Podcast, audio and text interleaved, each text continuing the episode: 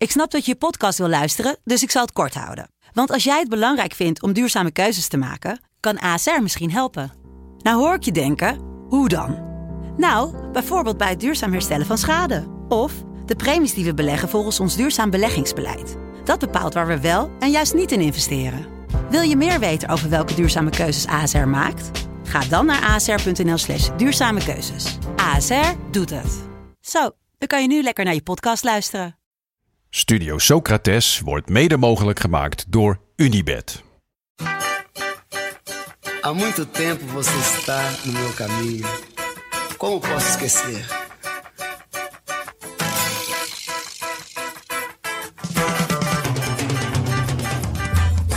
Welkom bij Studio Socrates, een podcast over alles wat voetbal mooi maakt. Met dit keer de tweede zomerspecial over niemand minder dan de Pitbull, Edgar Davids. A beleza é você, menina. Menina, no seu jeito de olhar.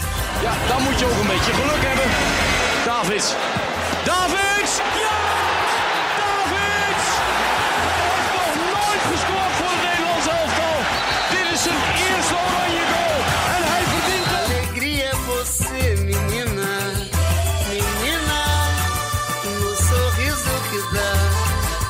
En dan gebeurt het. Als een tinteling op een zonnige dag in Zeist. Op zijn eerste werkdag als assistent bondscoach staat Edgar Davids met de bal aan de voet. Als verdediger Jurien Timber langsloopt. En hup, haha, Davids tikt de bal tussen de benen van Timber door. Zomaar. Die heeft het niet eens in de gaten, want het gebeurt als hij het ene been voor het andere zet. Deze opening van Willem Vissers in de Volkskrant was vrij recent. En dit is waarom Edgar Davids Edgar Davids is. En dit is ook de reden dat hij, ondanks zijn beperkte succes als trainer, toch een ideale assistent is voor Louis van Gaal. De brug tussen veld en straat, jong en oud, tackles en techniek. Precies de schakel die deze technische stap nog ontbrak. Hoi, Boys. een combinatie Bert van... Maalderink was het, vond ik. Ja, Zo de training van het Nederlands elftal bespreken, Ja. kleine momentjes pakken. ja, nou ja, goed. eh, Willem Vissers die kan dat wel. En eh, ik, kwam, eh, ik kwam dit stuk tegen. Een mooi stuk. eh, niet lang geleden stond in de Volkskrant. En die Alinea, ja, dat, die, eh, die gaf wel voor mij het, het Edgar Davids gevoel. En eh, inderdaad, een beetje Bert gevoel erbij. Dus, eh, Hij drukt wel meteen zijn stempel ook, hè? Want ik had ook eh, zo'n filmpje gezien met Matthijs de Licht. ja, Dat hij helemaal bezig is met hoe hij zich moet positioneren. ja, Een beetje aan het klooien met Timber dus ook. ja. Ja, Ziet er goed uit. Ja, dat is het vette. Ik denk, ik denk ook omdat hij gewoon... eh, hij is ergens de vervanger van Fraser natuurlijk. Ja, Maar ik denk dat niemand van de jongens die nu voetbalt bij, in, in het Nederlands elftal nog Fraser heeft gezien voetballen. Terwijl ze allemaal Davids nog hebben zien spelen. En allemaal ook nog met Davids hebben gespeeld in Pro Evo. En eh, Davids nog kennen uit die Nike-reclames. Dus ik denk dat dit... Ja, ik vind het weer een heel vette move van, eh, van Louis. Maar goed, gaan we het allemaal uitgebreid over hebben zeker. natuurlijk. Ja, want we gaan het de hele aflevering over Edgar Davids hebben. Eh, Heerlijk. Dit is de tweede van onze serie zomerspecials, waarin we drie afleveringen maken, allemaal rond één speler. Vorige week Paolo Maldini. Eh zijn we nog meer van gaan houden? Zeker, Daan. dat was wel echt de conclusie, hè? Ja, ja, ja. Ja, ja op een gegeven moment merkte ik zo halverwege de uitzending dat we heel erg lovend waren. Maar toen dacht ik, ja, we kunnen ook niet meer terug. Nee, we moeten... Het is ook echt terecht. We begonnen een beetje twijfelend, zeker Daan. Ja. Ja, Eh, maar dit was, eh, ik had Paolo Maldini voorgedragen. We hebben alle drie, nemen één eh, speler mee de zomer in. Eh, en vandaag heeft Jonne Edgar Davids meegenomen. Ja. Eh, maar voordat we daar eh, aan, eh, aan gaan beginnen. Hoe is het met jullie boys? ja met mij goed. Ja? Ja, Je, ziet er, je ziet er gezond uit. ja. Fit. Nou, ik heb een Met beetje... die klap van die misser te boven, van die pingel. Ja, zeker. Ja. ja, ik heb de kater weggespoeld en een beetje mijn inner Edgar Davids opgezocht. Ja. Ja, want jij zei het net mooi in je intro, dat ja, de, de brug tussen veld en straat, ook Ja. Edgar Davids, veldvoetbal en straatvoetbal. En ik ben weer begonnen met straatvoetbal Lekker. op het Pyramidepleintje in Amsterdam. Heerlijk. En ehm, vorige week Een donderdag... berucht pleintje, mogen we zeggen. Zeker, ja, ja. In het verleden gevoetbald met, eh, nou ja, onder andere Evander Snow kwam er veel en, en nog, nog, nog meer andere profs. Eh, maar ik heb nu met een international van het Nederlands elftal gevoetbald op dat pleintje. Dat meen je, met wie? Ja, Owen Wijndal. Echt? Ja. En, En, hoe, het- en hoe was hij? nou ja, dus niet, nou goed, tuurlijk Ja, goed. ja. Alleen niet, zeker niet het beste van het pleintje. Nee? En om even een beeld te schetsen, het is gewoon nou, mo- mooie afmetingen. Ehm, straat dus echt. Ja. En ik denk dat er wel een man of dertig waren. Eh, in een team van vijf zit je. Het is tot de twee. Ja. Eh, als het na zes minuten gelijk speelt, eh, gelijk staat, ga je, gaan allebei de teams weer uit. Ah, heel vet. En het niveau lag echt hoog, want Owen Wijndal was er. Eh, Jaden Oosterwolde was er, die Ah, ja. eh, verdediger van Twente, die nu bij Parma voetbalt. Dus moet je nagaan, die voetbalt normaal met Buffon. Maar in de zomer met mij op een pleintje. Eh, er was een, iemand eh, van Fortuna Sittard het eerste, Jong AZ. eh, iemand uit de jeugd van Everton. Het was echt Ja, oh, heel heerlijk. hoog niveau. Ja, En het mooie was dus dat... Dil Roosum was er trouwens ook nog. ja. Um, maar dat Wijndal dus aan het kijken was. En je zag gewoon hoe je dat ook vroeger hebt als je bij een team kijkt, eh, bij, Ja. bij je clubje. Begint het toch te kriebelen. Ja, ja. Je wil toch meedoen. Ja, tuurlijk. Alleen hij had geen goede schoenen bij zich. Ah, dat meen je niet. Dus je hoorde hem een beetje zo vragen van, ja, heeft, heeft iemand extra paar schoenen? Of moet ik misschien even naar huis of zo? Ja. En op een gegeven moment liep hij weg en kwam hij een kwartiertje later terug met schoenen waarop hij kon voetballen. Heeft Oh, hij die wat schoenen goed. aangedaan en is hij mee gaan voetballen. Wat goed. En het is gewoon nou, echt hoog niveau en hard tegen hard. Dus het was ook nog best wel een risico, denk ik, voor hem om mee te doen. Maar ja. Tekent toch wel de liefhebberij die ook Wijnal dan heeft. Van hij kon het niet laten, hij moest meedoen. ja, terecht ook. Ja. Maar is er, is er sprake van een wederopstanding van het straatvoetbal in, in Amsterdam dan in ieder geval? Nou, we hebben het daar vorig jaar ook een beetje over gehad. En het is wel, eh, ja, het is, het is wel vaak heel druk bij het pleintje. En het, is dus, het zoomt dus ook een beetje rond. Dat er zelfs profvoetballers langskomen om, eh, om mee te voetballen. Ja. En eh, nou ja, onze vrienden van Lack of Guidance, een Amsterdamse kledingmerk, die, die leggen ook alles vast op Instagram. Dus die, nou, dat kan je ook, als je dat leuk vindt, kan je daarop kijken. En dan zie je ook een beetje hoe het eraan toe gaat. Ehm, dus het is wel gewoon in, de, in, de, ja, in die één, twee maanden dat, dat er niet gevoetbald wordt op, eh, op amateur- en profniveau, gaat iedereen naar het pleintje toe. Heerlijk. De eerste golf, denk ik, is toch wel ontstaan mede dankzij Edgar Davids. Zeker, ja. Ja. Ik heb er ook nog beelden van gezien op YouTube. Die Street Kings Europe. Ja. Dat Davids met, met Vanenburg, die dus ook altijd op dat pleintje voetbalt, was, Ja. er, was er toen ook. Ehm, dat ze de wereld rondgaan. Ja, en Eh, alle, allerlei ja, straatvoetballers gaan uitdagen over, Ja, ja. over de hele wereld. En overal de beste zijn. Ja, Ja. dat is ook Ja, zo. maar dat is dus wel mooi. Dat Vanenburg dus nu nog steeds op het piramidepleintje voetbalt. En eh, had zijn zoontje nu ook meegenomen. Die, ja, die is volgens mij acht of zo, maar die is ook echt al heel goed. Ehm, Ja? Ja, Oh, wat vet. Maar het was wel vet. Het was echt mooi. En ik vond het ook wel... eh ja, hadden jullie dat eigenlijk verwacht? Dat als iemand zoals Owen Wijndal dan meedoet... toch iemand die, waar Ajax nu waarschijnlijk miljoenen gaat, eh, voor gaat betalen... dat hij dan niet per se... of gewoon niet per se... dat hij gewoon niet de beste is. ja, straatvoetbal dat is het niet opvalt. Straatvoetbal is toch een ander verhaal, hè? Ik bedoel, een linksback... eh, ja, met alle respect. Hè? En dan weet je, dan komt er iets respectloos. Maar linksback, ja, dat, dat is gewoon ja, vrij laag in de rang. En eh, ik vind Owen Wijndal heel goed, maar ik, ik zie hem nou niet als, de, als iemand die, die, die zes panna's gaat uitdelen en, en allemaal lijpe actie doet. Ik vind hem echt heel goed. Veel diepgang, goede voorzet, eh is verdedigend sterk. Hij heeft ook een actie. Maar straatvoetbal is toch gewoon... Ja, het is echt een andere tak van sport. Ja. Maar Ja. waar ligt het dan? Ligt het aan dat het gewoon sneller en technischer is? Of gaat het ook om een soort attitude die mensen hebben... of een manier van spelen... of een soort van laten zien dat je de beste bent? Nou, dat had hij wel hoor, want hij liet niet over zich heen lopen. En dan was hij echt bloedfanatiek. En ook zelfs een beetje irritant. Met als een bal dan uitging, hem laten liggen en zo. Ah, ja, ja, ja. Ehm, maar ik denk dat het meer ligt aan die eerste dingen. Gewoon meer dat technische gedeelte. En kijk, wat, wat jij net omschrijft, daar is hij goed in. In juist die juiste timing van buiten omgaan en een voorzet. Ja, en dat lukt niet op een pleintje van, van 20, 30 meter lang. Dat kan niet. Dus Ja. het gaat echt om die één op één duels. Om eh, pasen, doorbewegen, acties maken. En hoe voetbal jij daar dan? Want ik, eh, ja, je, je bent niet meer de man in ieder geval die, die, die mannetjes passeert. Nee, nee, ik, ik ben Eh, een paser, ook daar. Ook Ja, daar, ja. Ja. ja. Maar dat wordt wel... eh, en speel je dan met, met jongens die, die dan de één op één hebben? Of, of speel je met alleen maar pasers? Nee, het liefst, je, natuurlijk- je moet een man hebben die iemand kan uitspelen. En dat hadden we dus ook nu niet. Dus we lagen er elke keer na één wedstrijd uit. Echt? Ja, en dan zit je dus een half uur te wachten en dan mag je eindelijk weer... Oh, Vijf minuten later konden we weer gaan zitten. Nou, dat was echt heel dat vervelend. is wel matig. hè? Ja, maar dat is ook wel meteen het mooie van zo'n pleintje. Ja, het is keihard. Ja, Het is knet eerlijk. Nou, ehm, Jas, in, eh, in navolging van jouw, eh, jouw schitterende verhaal eh, vorige week natuurlijk... van hoe jij ja, Anthony eh, ja, hebt geliked eigenlijk. Ik heb hem een live like gegeven Ja. en eh, ik heb hem Nou ja, ik heb Maestro gestameld. Nu dan ook eh, Daan, die, nou, die vertelt over zijn avonturen met, met profvoetballers. Misschien ook leuk als ik de, vertel over mijn laatste ontmoeting met een profvoetballer. Ik ben heel benieuwd. Ja, ik heb dus ik, heb een paar vrienden van de middelbare school... die eigenlijk allemaal in Amsterdam wonen... en dus regelmatig een Ajax ziet spotten.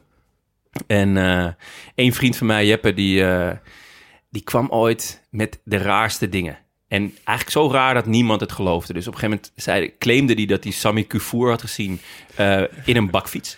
Terwijl de bakfiets was nog helemaal niet in. En, eh, Je had nog geen elektrische bak. nee, nee, maar was, was- hij aan het fietsen of lag hij in de bak? eh, nee, hij was aan het fietsen. Hij was aan het fietsen. En later, Als hij in een bak had gelegen, had ik het geloofd. en later kwam hij toen met eh, dat hij Nicolai Mitea had gezien op eh, rolschaatsen.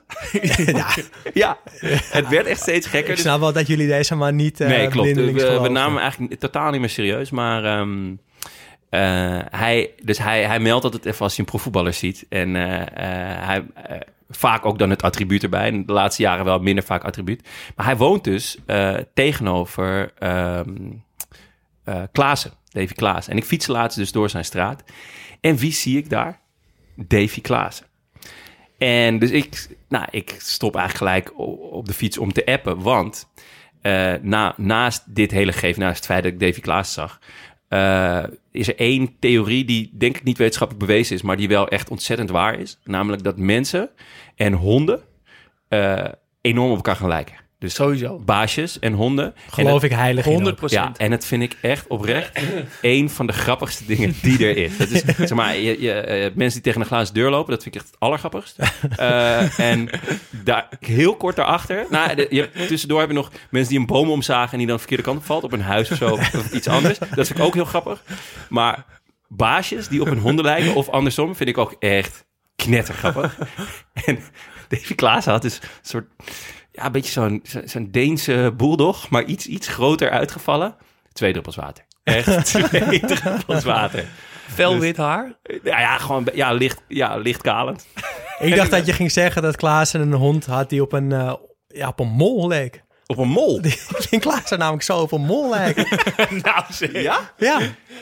Ja, hebben jullie dat niet? Nee. Dat heb ik niet, nee. Oh, nou, dat vind ik wel. Een, een mol. Ja, Wie is de mol? David Klaassen. Misschien, misschien doet hij ooit mee. Dat zou natuurlijk wel vet zijn. een naaktmol. Een...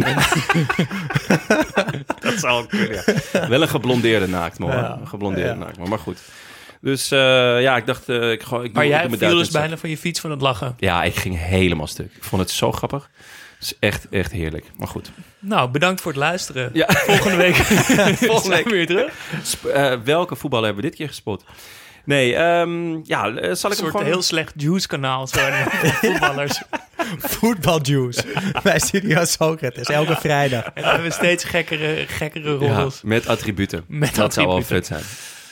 Eh, ja, jongens. Tot, eh, tot zover eh, de intro. Ja. Eh, over naar de hoofdmoot.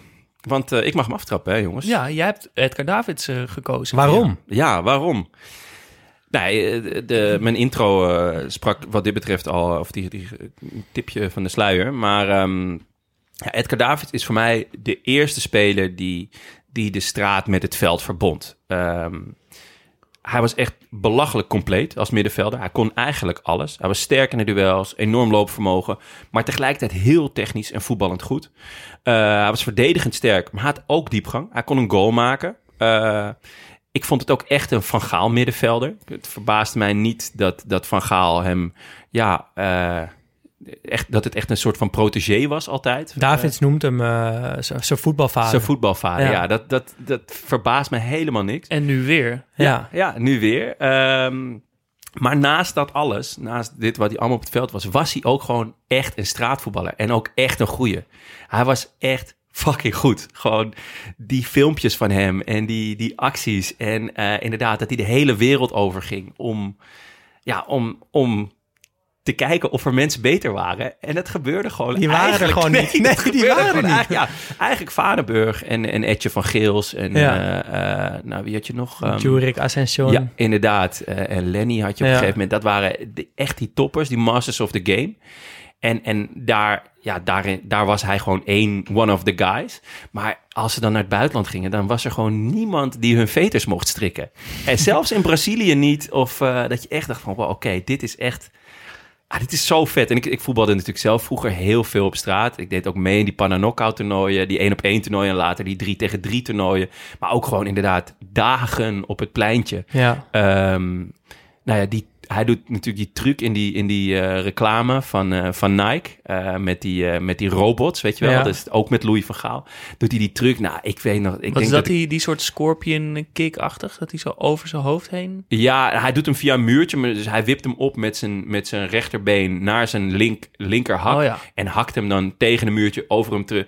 En die truc, gewoon... Ik denk dat ik als, ik, als ik ga kijken naar uren hoeveel ik daar besteed heb... dat ik gewoon wel aan een volle werkweek kom. Gewoon voordat je die kon. Middagenlang ja, eerst weet je wel, eerst goed die, die, die reclame kijken van, hé, wat doet hij nou? Hoe kan dat nou? En, maar dat gaat heel snel ook. En dat zonder YouTube? Zonder YouTube, dus het was echt gewoon hopen dat die reclame kwam. En dan dat je weer kon kijken. En dan één iemand die kon hem dan. En dan ging je daarvan afkijken. Nou ja, hij, hij deed gewoon...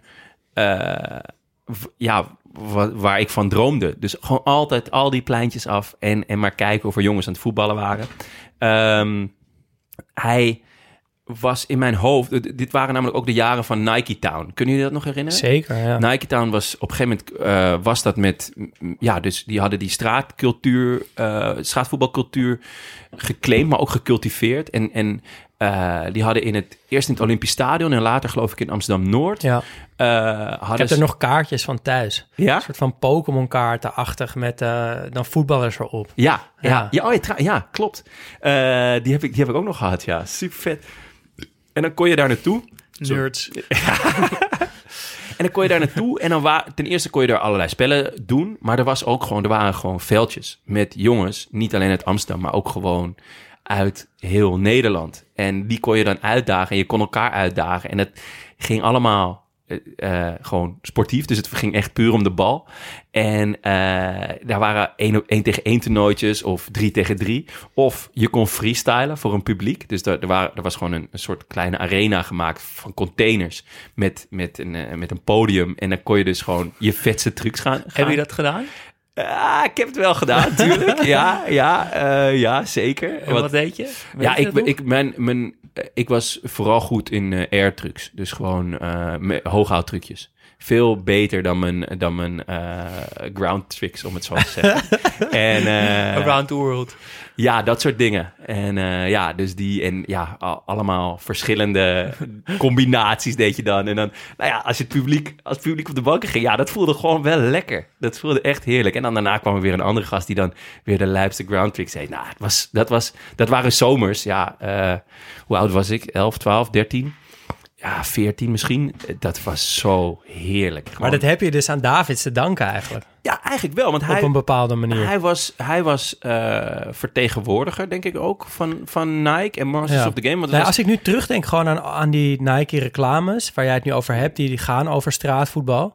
dan is Davids wel degene die dat het meest is. Ja. Toch? Want Totti of zo is niet straatvoetbal. Ronaldinho Jawel. is... Ja, maar ook anders wel. En later pas. Ja, en later natuurlijk. En al die andere namen, Thuram, Henry... dat is allemaal eigenlijk geen straatvoetbal. Nee, nee. Davids was dat wel. Davids was dat echt. En, en het grappige was dus dat, dat je wist van die, van die 95, 96 generatie, van, zeker van Ajax, dat een aantal van die jongens dat hadden. Dus Melchiot bijvoorbeeld. De, daarvan was bekend, die ging na training, nam hij een bal mee van Ajax en die legde die gewoon op zijn passagiersstoel. En dan ging hij alle pleintjes af totdat hij mensen vond die het konden. En dan ging hij daar lekker mee voetballen. En Davids had die, die, die was dan ook nog eens de beste daarin. Had zijn eigen pleintje en eh, ja, dus dat was eh Maar misschien voor Davids en misschien nog wel Vanenburg. eh Gerald. Ja. Gerald, ja, ja, die, ja. Dat Nou ja, is dan misschien nog wel echt de, de OG. nou ja, Ja, maar toch, toch En- eh, vind ik Davids meer straatvoetbal dan Vanenburg. Omdat Davids, wat ik zo vet vind aan, aan straatvoetbal... en eigenlijk wat Davids ook naar het veld heeft gebracht... is gewoon die, die combinatie van dat technische... maar ook dat van scheid aan de wereld... en wie Ja. ben jij dan en kom dan. En dat, Ja. dat, dat gedeelte van het straatvoetbal... dat heeft Davids eh, ja, altijd uitgestraald. Ja, ook in zijn, in zijn lichaamshouding, in zijn zijn. In, en ook en dat, dat maakt, daarom vind ik het ook, daarom vind ik me ook boeiend. Eh, hij is tegelijkertijd ook een enigma. Want, nou ja, eh, we zijn erin gedoken. Davids en de pers, Niet lekker. Nee. not so much. Eh, behalve helemaal in het begin. Ik heb, nou ja, die Ja. heb ik ook jullie doorgestuurd. Gouden eh, beelden van Harry Vermegen die Davids de, ehm, het Nederlands elftal in, in, aan, in wil lullen, zeg maar. En het lukt hem ook. En het lukt hem. Oh, natuurlijk ook omdat, omdat Davids natuurlijk gewoon fantastisch speelde toen. Eh, maar dat, dat eh, Harry gaat op een gegeven moment, is het gelukt en dan gaat hij langs met een kruiwagen met daarin één fles champagne, die echt gigantisch is. Die ze vervolgens open proberen te maken, lukt niet. Ontploft bijna het gezicht van Harry. En dan gaan ze met die kruiwagen twee glazen vol schenken. Nou, het is echt... Het is echt goed, hè? Ja, en ook gewoon goed. dat ze gewoon over straat, dat item daarvoor lopen ze gewoon over straat, gaan ze in een portiekje staan. Gaan ze gewoon hebben Ja. over voetbal, pleintjes, WK, Ja, eh, ja. Nederlands elftal. Dik advocaat. Ja, zo Op een goed. gegeven moment haalt, eh, ze, ze hebben ze een patatje gehaald. Ja. En dan zegt... Dat vind ik eh, ook heel vet. Dat ja. ze dat gewoon deden. Gewoon Ja. een patatje halen Gewoon een patatje halen en een kroketje. En dan eh, zegt Harry, ja, ik heb een beetje, beetje vieze, vieze vingers. Kan jij even een vetje uit mijn zak halen? Beetje dubieus zeker. Harry in die die, in regenjas. en dan haalt, haalt David, die haalt zoiets uit zijn zak. En dan is het een foto van Dick Advocaat. De, de trainer van, of de, de, de bondscoach op dat moment. En David gaat helemaal stuk. Maar hij zegt, Harry Hij- Vermegen zegt, Ja. je moet deze foto bijhouden en onder je kussen leggen. Want Ja. dat brengt geluk voor, je op, voor het oproepen voor het Nederlands En eh, Davids, eh, Davids reageert ook zoiets met... Hou op met me, Harry. Dat ga ik echt niet doen. Maar hij doet het wel. Hij, steekt het. hem in zijn zak. Ja, hij steekt hem wel in zijn zak. Dus ehm, ja, dat, dat, dat vond ik gewoon... eh, dat was eigenlijk mijn, mijn voornaamste reden dat, dat ik dacht van... Oh ja, vet. Laten we het, laten we het over Ja. Davids hebben. Ja, de combinatie van veld en straat. Ja, ik, Ja. ik moest dus denken aan eigenlijk niet aan zijn prestaties op het veld. Ook al heb ik hem wel best wel veel zien spelen. En natuurlijk in den treuren die oude beelden wel teruggekeken. Nu ook, maar vroeger ook al. Maar ik moest eigenlijk gewoon denken aan Panini-plaatjes. Want ik ken niemand die zo, zo vet, zo gruwelijk, zo mooi op Panini-plaatje staat als Edgar Davids. Ja. Die staat met zijn borst zo vooruit, met zijn kin een beetje omhoog, eh, met die lippen zo een beetje naar voren en echt die blik van, Ja, wat moet je? ja, Wat kom je doen? ja. Ik ben hier de baas. Ja, maar zijn uiterlijk is ook echt iconisch. Ja, Gewoon, eh, nou ja, later met die bril natuurlijk, gaan we het ook nog over hebben. Met die, met die lange rasta's en die paardenstaart. ja maar ik En- vond het dus nog mooier, dat korte. Dat vind ik Dat korte haar, ja, Ja, toen hij, ja. Toen hij, eh, bij 18 Ajax eigenlijk 18, en, bij, 19 eh, ja, en bij Milan werd het dan langzaam iets, iets langer en daarna kwam die staart. Maar ik vond dat, dat korte eigenlijk nog mooier. En wat ik zo vet vind is dat wat hij uitstraalt op die, uitstraalt op die foto, straalt hij ook uit in het veld. Ja. Een soort van, dat is niet van ik ga nu even tof op die foto staan. Zo was hij gewoon. Hij kan niet anders. Dat, dat straalt er een Ja. beetje eh, vanaf. Dus, ja, dus dat is eigenlijk waar ik, het, waar ik het eerst aan dacht. Ja, ik moet zeggen dat ik ook wel vooral meteen aan die stijl denk. Of al die looks die hij heeft gehad. Inderdaad, die, die eerste periode. Met, dan heeft hij ook zo'n gouden armband om. Zo'n dun goud armbandje Ja. en dat korte, korte haar. Eh, altijd die zwarte Nikes met een zo'n groot wit Nike-teken. Wat ik Ja. een prachtige kicks vind. Met zo'n flap heeft hij ook, Ja. toch? Ja. ja. Eh, ik zie hem ook heel veel in die nationale Nederlanden, Nederlands elftal trainingspakken. Van verschillende jaren. Maar die Ja. sta- dat staat hem ook zo goed. Eh, Flink oversized. Ja, ja. En hij heeft vaak eh Air Max aan buiten het veld. Dat vind ik ook goed. En natuurlijk al die Nike-reclames inderdaad waar we het over hadden. En natuurlijk die bril. Ehm, maar de beste look, ik ben er een beetje doorheen gegaan. Voor, voor mij, EK 2000. Oranje shirt met die zwarte V-hals. Die, dat is trouwens echt een schitterend shirt. Ja, is een prachtig shirt. Zwarte, broek, Ja. eh, oranje kousen. En dan weer die zwarte Nikes met oranje erin.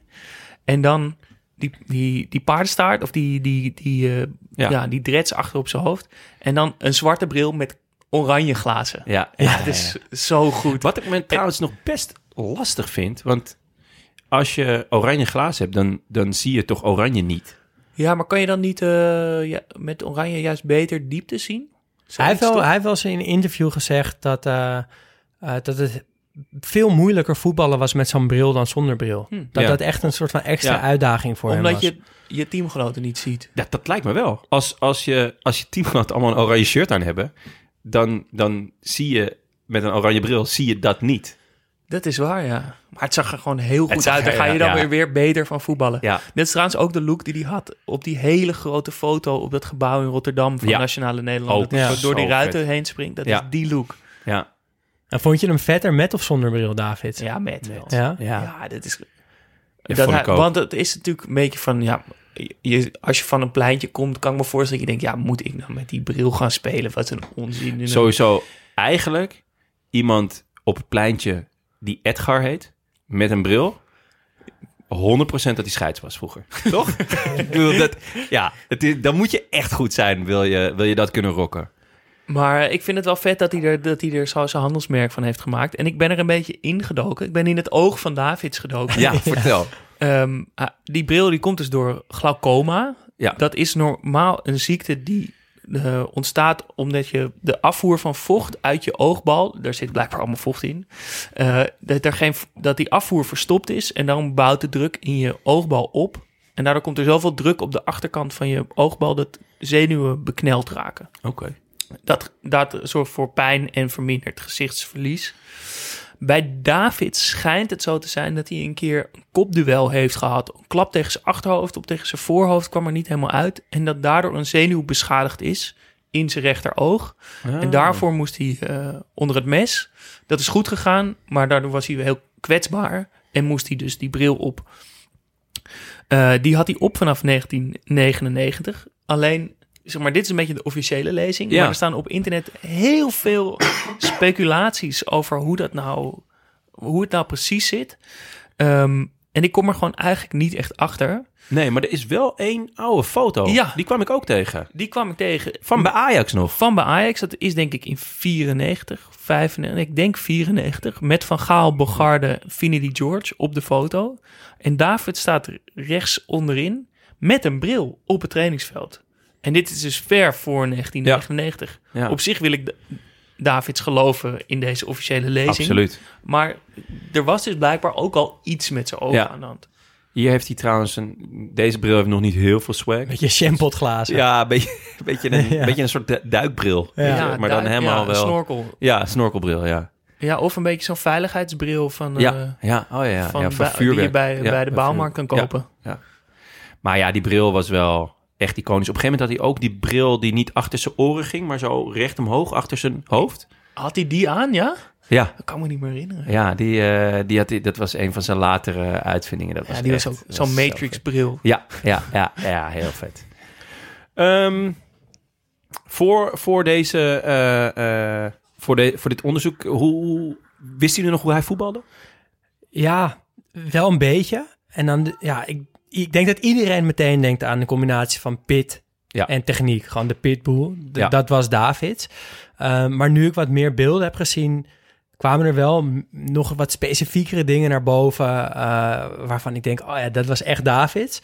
Ehm, maar dat wil ik zo meteen even vertellen. Aan de hand Ja. van die Champions League finales. eh, Juventus-Real Madrid, Seedorf tegen David. Oh ja, die heb ik teruggekeken. De hele wedstrijd? Na een groot deel. En, en dat is volgens mij gewoon, gewoon dat is David. Hoe die in Ja. die wedstrijd speelde, daar komt alles in terug. Ja. Dus daar, daar wil ik graag zo wat Dan meer gaan over vertellen. En jij, Jas, heb jij je beeld bijgesteld? Eh, nou ja, wat ik bij Maldini wel had, dat het toch niet klopte, had ik niet echt bij David. Ik had Nee. het toch wel goed op mijn netvlies staan voor mijn. Met die armen ook een beetje wijd. Ja. En met zijn bovenarmen langs zijn lichaam en Ja. dan zijn onderarmen een beetje naar, naar buiten toe.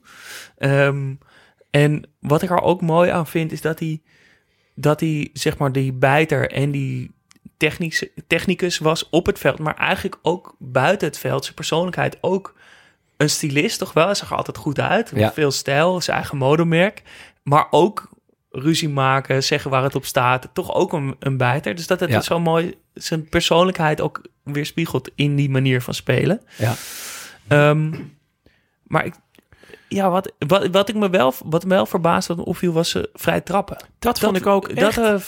eh, ik denk dat ik wel tien vrije trappen heb gezien die Ja. erin gingen in zo'n compilatie. Maar wel op die een beetje vieze manier. Ja, Zo'n ja, ja. zo'n legje opzij en leg dat je hij dan Dan gaat hard. pegelen. Hard. ja. hard, maar wel laag. Je laag altijd. vaak, ja. En dan eh, vaak zo'n zo'n kuitenzoeker, weet je wel? Ja. Dus dat die wordt aangeraakt. Net zoals die goal, eh, gaan we het straks natuurlijk nog over hebben, Joegoslavië. Ja, Weet je wel? Dus 98. eh, echt zo die, die eh, wel echt hard.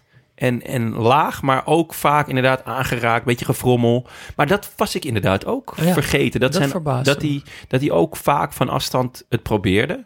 En, eh, en ik zag één goal, dat was echt in zijn, een van zijn eerste jaren nog in dat ehm, groen-gele shirt van Ajax. Ehm, dat hij gewoon eh, een man uitspeelde, één op de keeper komt en echt een heerlijke lop gewoon. Ja. Dat ik echt dacht van wow, dit, dit deed hij dus ook. Dat, dat Ja. vond ik wel... Maar ja, voor zo'n straatvoetballer zou je ook verwachten dat er wel eens een akka uitgaat of zo, of een, een eh, pirouetje of zo. Nee, maar het best is wel allemaal zakelijk, gewoon op... Hij passeert wel... hij passeert zakelijk. Hij passeert best veel. Gewoon zo een klein beetje naar binnen dribbelen en dan snel buitenom. Dat, de, dat zag je veel. De klassieke Ronald de Boer Ja. eigenlijk. Hangen, Ja. hangen en hop, erlangs. Precies. En dan, en dan vaak daarna sp- eh, eh, spelen en weer doorlopen. Ja. Ik vond, nee, ja, ik, ik was wel echt heerlijk om, eh, ja, om, het, weer, om het weer te om het zien. even te zien, ja. ja, ja. En ja, die, zijn, er, zijn er vergelijkbare spelers die die rare soort tegenovergestelde stijl hadden van techniek en pit en grinta? ja. De grinta en de panna? Ja, Ja. ik zat er lang over na te denken. En ik had toch uiteindelijk David zelf nodig om een goed antwoord eh, te vinden. Oh ja? Ik, kwam er, ik kwam zelf eigenlijk gewoon niet op een speler. En David schijnt zelf ooit gezegd te hebben dat hij eh, Vidal, Arturo Vidal, Ah. het meest eh, op hem vindt lijken. Ja. Ja, vind ik geen gekke... vind ik ook geen gek. eh, Want die had ook een beetje die, die mix van die verbetenheid van die Ja. grinta, maar ook dat technische. Wat ik bij David trouwens dus ook heel mooi bij elkaar vind passen, zoals jij net vertelt. En eh, dus ook heel erg bij het Nederlandse straatvoetbal vind passen. Want ja, Ja. want ik noemde net Ronaldinho, ook een straatvoetballer. Maar dat is toch meer dat Braziliaanse, dat Joga Bonito. En Ja. bij dat Nederlandse hoort die Is- verbetenheid ik wou zeggen, het is keihard. Ja, en dat, ook echt, eh, eh, we hadden op pleintje, ja, dat staat ook mooi erin bij David. we hadden op pleintje hadden we, want er was natuurlijk nooit een scheids. We hadden een regel van ja, je mag eh, als iemand een overtreding maakt of, of een eh, eh, ja, te hard is, dan krijg, moet je een vrije trap, maar dan moet je er wel om vragen. Dus ja, je moet hem zeggen- zelf, je moet hem zelf opeisen. Ja, Ja. maar je moest, het was ook eigenlijk een soort van vernedering. Dus je zei eigenlijk dan van, ja, ik wil een vrije trap. Dus je, je moest echt erom vragen. En dat voelde dan toch een beetje wrang of zo, waardoor je het gewoon heel lang niet deed. Tenzij Ja. het echt te ver ging. Dan zei oké, ja, dit was gewoon vrije trap. Maar dan, anders moest je, ja, je moest echt zo, ja, mag ik een vrije trap? Ja. En dat is echt gaaf. Oké, is goed. Ja, Ga je oké, huilen. is goed jongen. Ga maar, ja, neem je vrije trap maar. Ja. Nee, dus, ehm dus ik even een korte, korte biografie doen. Ja. Een korte Eh, brief. aan de hand daarvan ehm, eh, ja, gaan we natuurlijk eh, de, de, de hoogtepunten en de dieptepunten eh, van zijn carrière meepakken. Eh, Edgar Steven Davids, geboren op 13 maart 1973 in eh, Paramaribo. Hij kwam volgens mij als, eh, als peuter eh, naar Nederland. Ja, echt heel jong. Echt heel jong. Hij speelde in de jeugd bij ASV Schellingwoude. Ehm, werd twee keer afgewezen voor de talentendagen. Ook omdat hij natuurlijk niet de grootste was. En de derde keer was het raak. Toen, toen mocht, hij, mocht hij bij Ajax. Hij debuteerde in 1991 voor Ajax als linksbuiten. Hey. Ja, ja dat, tegen RKC. Eh, en hij gaf gelijk een assist. Eh, Bergkamp scoorde er eh, drie, geloof ik, die wedstrijd. En haalde ze gram op Leo Beenhakker. Ehm, maar het, het artikel ging toch echt voornamelijk over Davids, over zijn flair en over zijn snelheid en over nou ja, hoe makkelijk die passeerde ook. Dus dat is wel grappig. Hij debuteerde dus als, als linksbuiten. Daar, daar, toen moest ik ook gelijk eh, denken aan eh Dembele. Die natuurlijk ook Ja. van linksbuiten naar verdedigende middenvelder gaat. Nou, we zullen het zo meteen nog hebben over zijn positie. Wat was nou David zijn beste positie? Eh, maar dit vond ik in ieder geval heel opvallend. Nou, hij speelde tot 96 in het gouden Ajax van, van Gaal. En hij won eigenlijk alles wat er te winnen viel. Eh, zijn laatste wedstrijd was minder succesvol. De verloren Champions League finale tegen Juventus. Waarin hij en Sonny Siloy een penalty missen. Ja, Auw. Het zou je gebeuren. Een pingel missen in je laatste wedstrijd. Ja, ik zag hem aankomen. ja, is Ik zou dat- Komt het weer even terug, Dan? Ja, is toch vervelend. Ik zou- ik zou- weet niet of ik wil dan- niet meer dat jullie me er weer in, pesten. Omdat je zo lang hebt gezegd dat je nooit een penalty had gemist. Dan gaan we, Ja. moet je er nu mee Het is je pakken. laatste trap, je laatste, laatste balcontact. je laatste balcontact. En, die, en dan staat er zo'n lachende keeper voor je, die, die dan zegt, ja, ik heb je podcast geluisterd. ik bedoel, eh, hè, dan staat ineens zo'n Italiaanse topkeeper. Die, die Ja, ik zou dan nu ook wel naar AC Milan willen. ja, ja, dat snap ik ook wel, ja. Ja, want hij, eh, na deze finale vertrok hij samen met eh, Michael Reiziger, transfervrij naar AC Milan. Dat was natuurlijk het eh, ontzettende wanbeleid van Ajax, dat al die jongens transfervrij weg, weggingen. Maar door een blessure was hij daar lange tijd oud. En de coach die hem haalde, die was inmiddels vervangen. En eh, David zat daardoor meer op de bank dan hem lief was. En ehm, hij speelde daardoor slechts anderhalf jaar bij AC Milan. Nooit onbetwist basisspeler. En toen ging hij naar Juventus. En dat was, eh, ja, dat was eigenlijk gelijk raak. Op het, eh, op het middenveld eerst met Antonio Conte en DJ Deschamps. En later natuurlijk met eh, Zidane. En natuurlijk sowieso met Del Piero. Maar ook met Nedved. Eigenlijk echt een, een schitterende eh, ploeg. En een heel fijne eh, generatie voor, voor Juventus in ieder geval. Ehm, ja, in dat shirt zie ik hem. Als ik Davids in een shirt zie, ik denk ook dat het... eh, op een gegeven moment stond hij op de voorkant, denk ik, van FIFA of van Pro. Ja, stond FIFA, hij, FIFA denk ik. ja, Ja, ik denk ook FIFA. Van, da- in dat shirt. Ja, maar dat waren ook zulke mooie shirts. Ja, Van ja, ja, Juventus. Ja, die heb ik nog. Ja, want Ze, ze, gewoon, eh, ze wisselden een paar keer van sponsor. Maar wat ik de allermooiste vond, nou, dat zwart-witte van eh, Juventus dus, met die D Plus Ja, Ja, ja. als sponsor. Ik weet niet, het zal wel een betaalzender geweest zijn of zoiets zo. als Canal Plus, ja Canal ik. Plus-achtig. Ja. en dan Kappa als merk. En dan hebben ze een jaar gehad dat ze rode bedrukking achterop Oh, ja. hadden. Dus dat daar dan gewoon... Ja, Davids nummer 26, maar Zidane 21, eh, die, daar, die herinner ik me ook heel goed. Ja, En dat stond dan in het rood op dat zwart-witte. Dat, nou, dat Ja. is zo mooi. ja. En waar ik jullie net al een beetje warm voor maakte, is Davids eh, bij Juventus. En dan vooral die confrontatie met Seedorf in de Champions League finale eh, Real Juve in de Amsterdam Arena. Ehm, daar is trouwens ook jouw lievelingsfoto, eh, ja voetbalfoto dat ze samen van eh, om die, bal, eh, om die bal battelen eigenlijk. Ja. Met die benen zo strak gespannen. Cedro, die schitterende Ja, benen. En David zo en ook gewoon in. Amsterdam, wat zo vet is voor, voor die twee. Ehm, maar wat ik dus net ook al zei, volgens mij is, is als je wil weten wat voor een voetballer Davids was in, in, in goede vorm, dan moet je die wedstrijd gewoon terugkijken. Ehm, want aan de bal zie je een paar dingen die volgens mij heel typisch zijn voor hem. Eh, die 1-2 opzoeken op het middenveld. Dus op hoge snelheid inkomen dribbelen, een 1-2 en door. Ik Ja. herinner me ook nog eh, dat Van Gaal bij Ajax bijvoorbeeld een keer laatste man zette. En dat hij op die manier het hele middenveld overstak en een doelpunt maakte. Ehm, je ziet hem een man passeren op het middenveld. Iets wat hij toch ook best wel vaak deed. Ja, Niet met drukjes, maar wel gewoon... Ja, Nou, eh, links met die, buitenom. Ja, met die lichaamsschijnbeweging. Ehm, je ziet hem twee man op magistrale wijze uitkappen in de 16. Echt straatvoetbalachtig. Komt hij uit op zijn rechter, dus mist hij wel net. Ah, ja. Maar ook heel typisch voor Davids. En je ziet hem dus best wel veel van afstand schieten. Nou, Ja. dat wisten we dus alle Dat- drie ja, eigenlijk dat- niet echt nee, meer. Maar ja. dat- of wist jij dat? Of- nee, Nee, toch? maar dat doet hij dus gewoon- echt wel veel. Ja, En dan inderdaad van die voetzoekers. ja. En zonder bal is het gewoon spijkerhard tackelen en Ja. ballen veroveren. En had, onverzettelijk. Dat was, On- dat was ja. echt eh, het woord dat de hele tijd, als, Ja. als ik die filmpjes zat te kijken, onverzettelijk. Van, je, je zag hem wel eens een duel bijna verliezen en dan zag je hem gewoon in dat duel denken, no way. Ja. Echt, no fucking way. ja, heel vinnig gewoon. Ja. Heel een soort van het lijkt me verschrikkelijk, de hele tijd zo. verschrikkelijk om tegen te spelen. En ik zie hem ook eh, vaak in zo'n, in zo'n duel, dan springt die bal een beetje weg, omdat hij gewoon Ja. opbotst. En dan weet hij nog in zijn val die bal dan nog Ja. echt te Ja. vinden en Ja. nog in de lucht weg te tikken. Ja, en heel, heel veel armbewegingen inderdaad. Het Ja. zwaait alle kanten op. Die, die staart gaat alle kanten Heel op. schokkerig. Ja. Ja. Ja. Ja. En ja, je ziet hem dus een paar keer duels uitvechten met Seedorf. Keihard. Ehm, echt keihard. maar Seedorf ook, hè? Zeker, maar dat, dat, dat mocht ook. Ja. Want, want Davids pakt hem met een gele kaart op zak al. Pakt die Seedorf gewoon echt heel vies op het middenveld. Ja. De scheids spaart hem. Geen kaart. Je ziet hem twijfelen, maar hij geeft hem niet. Uh, en daarvoor had Seedorf, of had uh, Davids trouwens ook al in één keer rood kunnen krijgen voor een tackle op het middenveld. Niet op Seedorf, maar op iemand anders. En dan, uh, ja, een beetje de laatste minuut. Real staat inmiddels 1-0 voor. Ze weten dat ze gaan winnen. Pakt Seedorf hem nog even terug. ja, dus pakt Seedorf Davids nog even keihard terug. Oh, dat vind ik en dat vind ik wel mooi. Ja, vind ik ook wel En mooi. Hoe, die- pa- hoe reageerde Davids erop? Ja, wel, wel, uh, wel fair. Ja, ja, dat vind ik En volgens wel. mij kan hij dat wel waarderen als iemand Ja. hem eh, terugpakt. Maar dit Ja. is denk ik ook dat hij toch te vaak net over het randje Ja. gaat. Dat, je, dat Mhm. hij eigenlijk rood had moeten krijgen. Dat hij dus Ja. ook wel vaak heeft gekregen. Ja. Dat hij toch net te veel zich vastbeet in zo'n tegenstander. Ja, en dat hij dat dus ook niet kon loslaten. Want, want ik zag ook een, een filmpje dat hij eh, meedeed aan een liefdadigheidswedstrijd. Eh Soccer 8 in 2004 of 2006 of zo was het.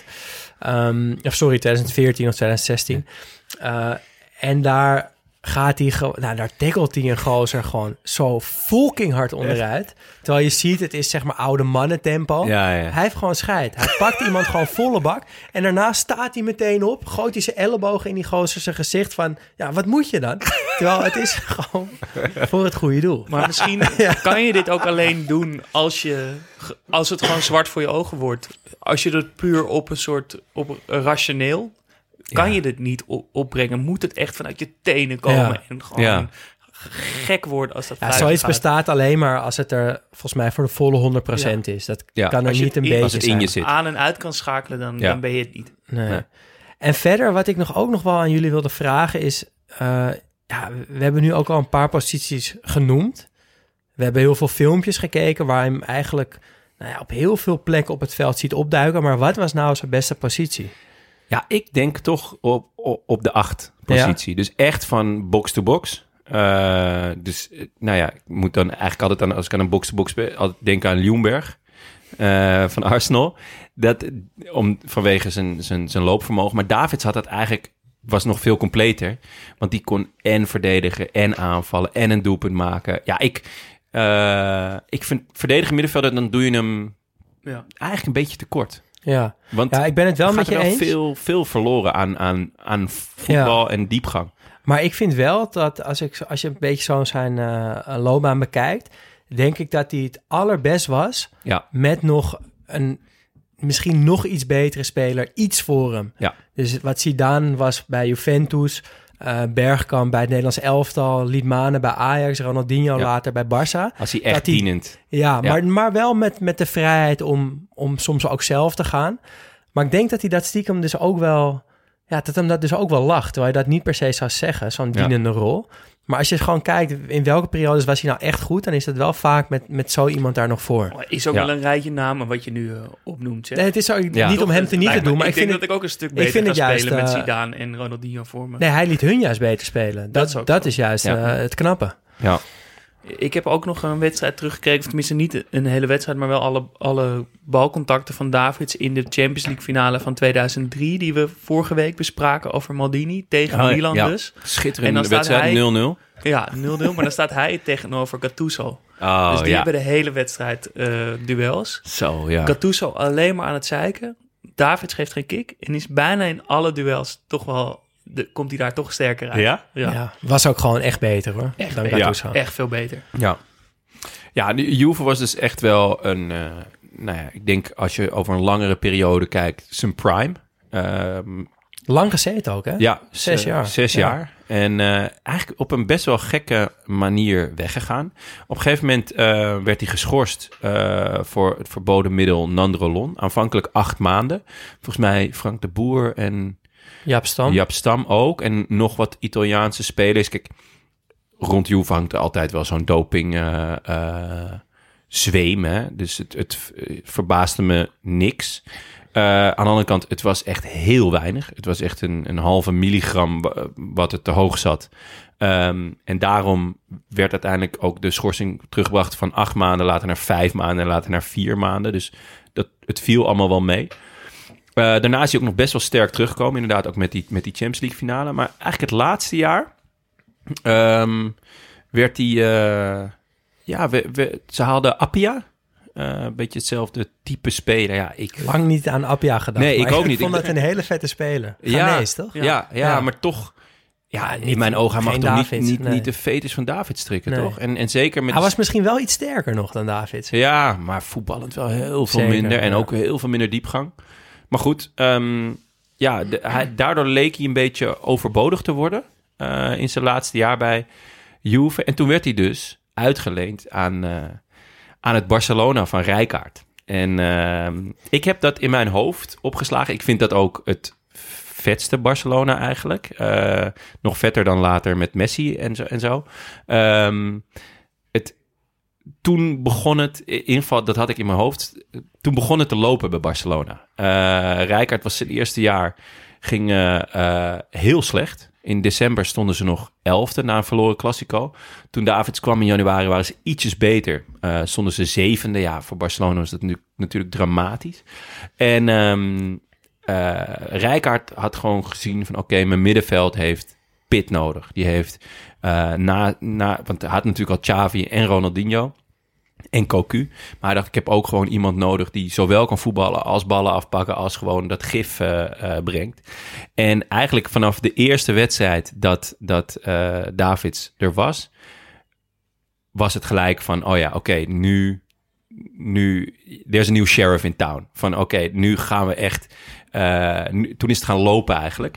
Eh, ze wonnen vervolgens ehm, eh, de Classico van ehm, eh, Real natuurlijk. Waarbij ze Zidane ook. Waar hij Zidane gewoon vakkundig uit de wedstrijd speelde. Ja, dat Mooi. oud teamgenoot Ja. ook. Ja, ik kan me echt goed voorstellen hoe David zich daar dan helemaal op focust en op richt. En uiteindelijk worden ze dus ehm, worden ze tweede in die, eh, in, die, in die competitie. Wel nog achter Real, nog steeds. Maar ehm, eh, wel vet vond ik dat ik dat idee had in mijn hoofd. Van oké, klopt dat nou?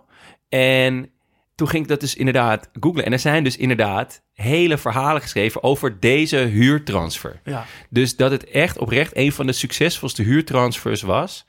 Een beetje Eh, een vergeten transfer ook. Ja, maar daarom vond ik het dus echt vet, want ik had dat echt in mijn hoofd. Omdat eh, met name Ronaldinho, die ze hadden, hadden ze gehaald die zomer, samen met Caresma. En nog een Turkse keeper. Roestoe Rekbe. Inderdaad, ja. Ehm, eh, en toen is het echt gaan lopen. Eh, met name Ronaldinho, die, die tot dan toe toch een beetje aan het verdrinken slash fluimen was.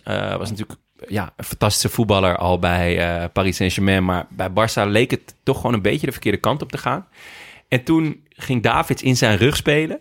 Dus Davids linkshalf en eh, eh, eh, Ronaldinho ervoor. En toen, ik denk dat, dat ze ook in elkaar hebben gezien van... oké, jij bent echt vet. Ja. Jij bent echt vet. En ik Maar ga... dat is een beetje wat, wat, wat, eh, wat ik net dus ook al zei met bij Juve en Zidane, toch? Van, Ja. dan, dan vindt hij iemand Ja. die iets voor hem... Ja, de, de creatieve, het creatieve meesterbrein is. En dat versterkt elkaar dan zo erg...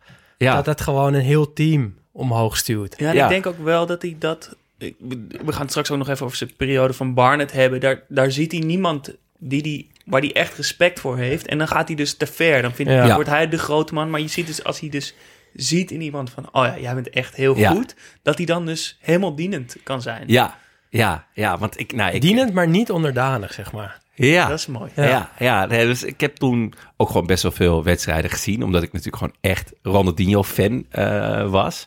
En ook al Davids-fan, eh, al heel lang. Dus ik vond het ook heel fijn in, in de zoektocht vandaag... dat ik niet de enige was met dit idee in mijn hoofd. En het, Ja, het was gewoon Ik echt ben zo. toch Ja. niet gek. Nee, en het typische is dan ook weer... want ik wist zeker van, oh ja, dit, dit is een match made in heaven.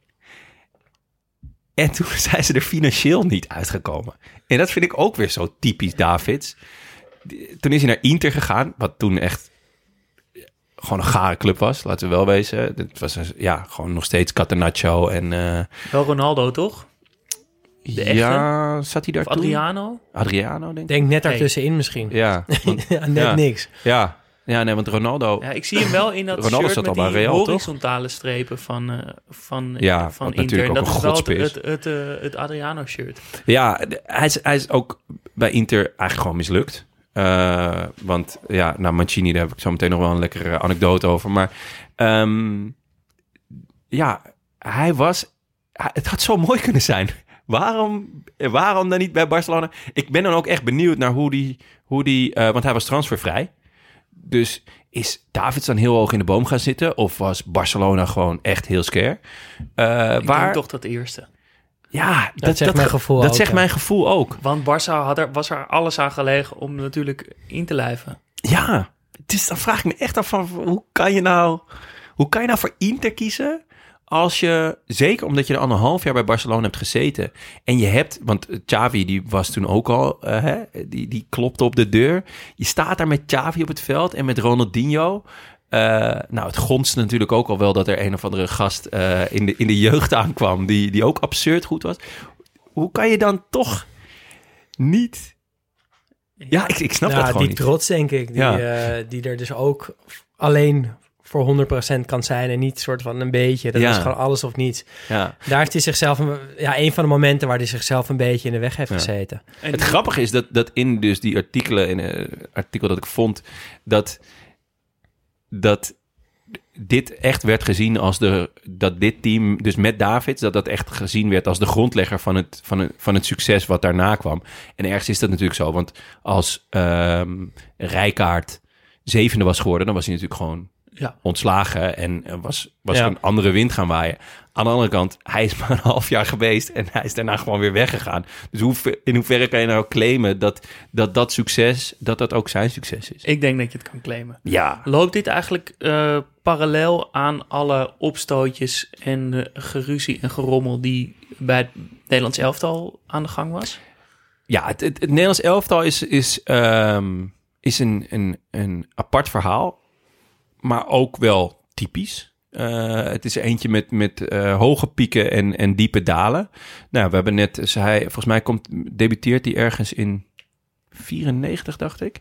Ehm, dus nog onder dik advocaat, maar hij stond geen baas in ieder geval op het WK. Ik weet eigenlijk niet of hij zelfs meeging. Dat, dat twijfel ik Ja, nu. volgens mij ging hem Wel mee had hij daarvoor geregeld, toch? Ja, maar of hij ook meeging naar het WK, dat... Nee, hij is 96 was hij er voor het 96 eerst. was hij voor het eerst. eh, eh, ja, en dat is dus meteen eh, Ja. de episode met eh he, mu- he must put his head out of some players' asses. So Ja. you can see better. Ja, nou, De ik, eh, kabel. de Ja. kabel, zeker. Ehm, eh, ik heb daar een, een mooi stukje over gevonden. En eh want Hiddink wordt erover geïnterviewd. En eh, Want Ja. even ter verduidelijking nog, eh Hiddink en Davids hadden een, ac- ja, een conflict eigenlijk. Nou, Gaan we niet helemaal eh nee, is ook maar- meer dat Seedorf eruit werd gehaald voor Nee. Cocu, volgens mij. nee, nee, nee. hij nee. zit al volgens mij op de bank en dan wordt Seedorf eruit gehaald. En daar wordt hij boos Oh, over. zo. Ja, hij was al boos. hij was boos. En Want- toen werd er nog een andere speler uit. Het, en dat werd opgeblazen tot een racistisch motief. Vooral door de pers. Ja. Door die foto dat ze aan, de, aan tafels Ja. gescheiden zitten. Wat ook weer niet helemaal zo schijnt te zijn. Nee, want Witsche Eh, zat, het- zat gewoon bij de donkere jongens. Maar die werd Ja. toen soort van weggereed. ja, die zie je hem achterin zitten. ja. En ze schenen elke dag een andere tafelzetting te hebben. Dus Ja. dat werd uit zijn verband gerukt. Maar dat werd heel groot. Ja. En hij zei na afloop van die wedstrijd eh, op dat EK... dus tegen buitenlandse pers... he must take his head out of the, play, the asses of some players. Ja, eh Sanjan Detail was tegen een Zwits, tegen Zwitserse pers. Waarschijnlijk omdat hij dacht van die zijn neutraal. Dat viel vies tegen. Ehm, maar even een klein eh, stukje luisteren eh, om eh, een beetje de sfeer van toen. Guus Hiddink, gefeliciteerd met de overwinning. Dankjewel. Ben je tevreden? Ja, met een overwinning ben ik, eh, ben ik dik tevreden. Ook met een goede score, omdat we toch eh, tegen een zeer lastige ploeg gespeeld hebben. Met, Eh, we zoeken nog even contact met Jack van Gelder. Wat is er aan de hand, Jack? Een uitlating van Edgar Davids, die eh, bij mij stond. En toen door een Zwitserse collega van een krant werd gevraagd waarom hij niet speelde.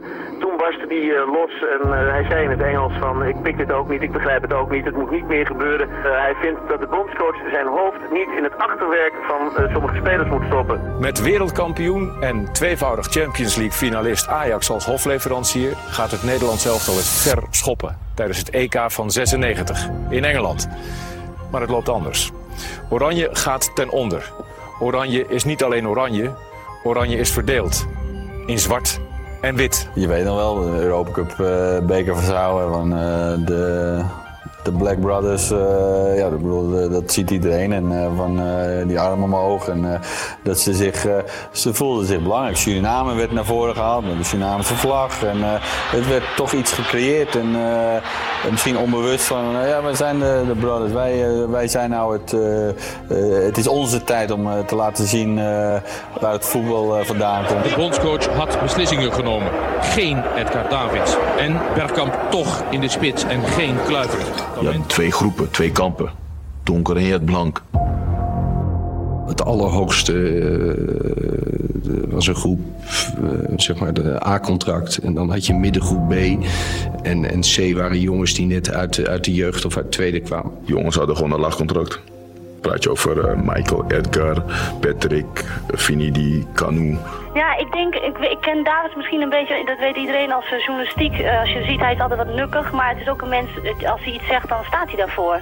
En hij heeft er gewoon wel een mening gegeven. En hij heeft vanmiddag ook gezegd tijdens de persconferentie in Engeland, dat heb ik ook gehoord, van nou, het was niet helemaal genuanceerd zoals ik me heb uitgedrukt, maar de inhoud, daar zal hij waarschijnlijk voor staan. En daarom misschien maakt hij ook in, nu op mij in ieder geval een best wel opgewekte indruk. Hoe was de uitdrukking weer? het, het hoofd niet in het, eh, hij moet zijn hoofd niet in het achterwerk van sommige spelers stoppen. Ik denk dat het een zeer moeilijke manoeuvre is, maar eh, Ja, in kruipen ken ik wel, maar goed.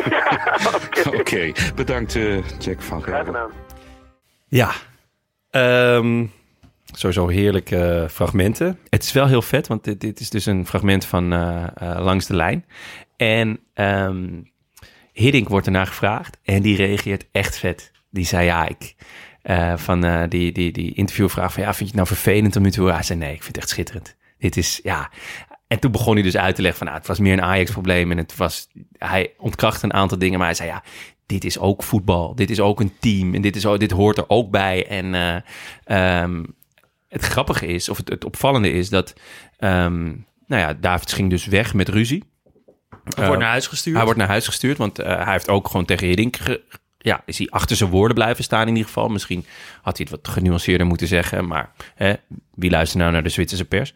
En, ehm, maar twee jaar later eh, is het WK 98 in Frankrijk en is, zijn al die jongens echt in hun absolute prime. Eh, nou ja, ik denk dat we wel vaker over hebben gehad over dit toernooi. Dat het voetbal dat ze speelden, de spelers die ze hadden, de wissels die, er, die, die erin konden komen. Ik bedoel, Roy Mackay was vierde spits. Eh, eh, of ja, dat. En David stond daar basis en die was daar echt ontzettend belangrijk ook. Met, met dus een schitterende goal in de laatste minuut in de achtste finale tegen Joegoslavië. Afstandsschot. En wie vliegt hij in de armen? Guus Hiddink.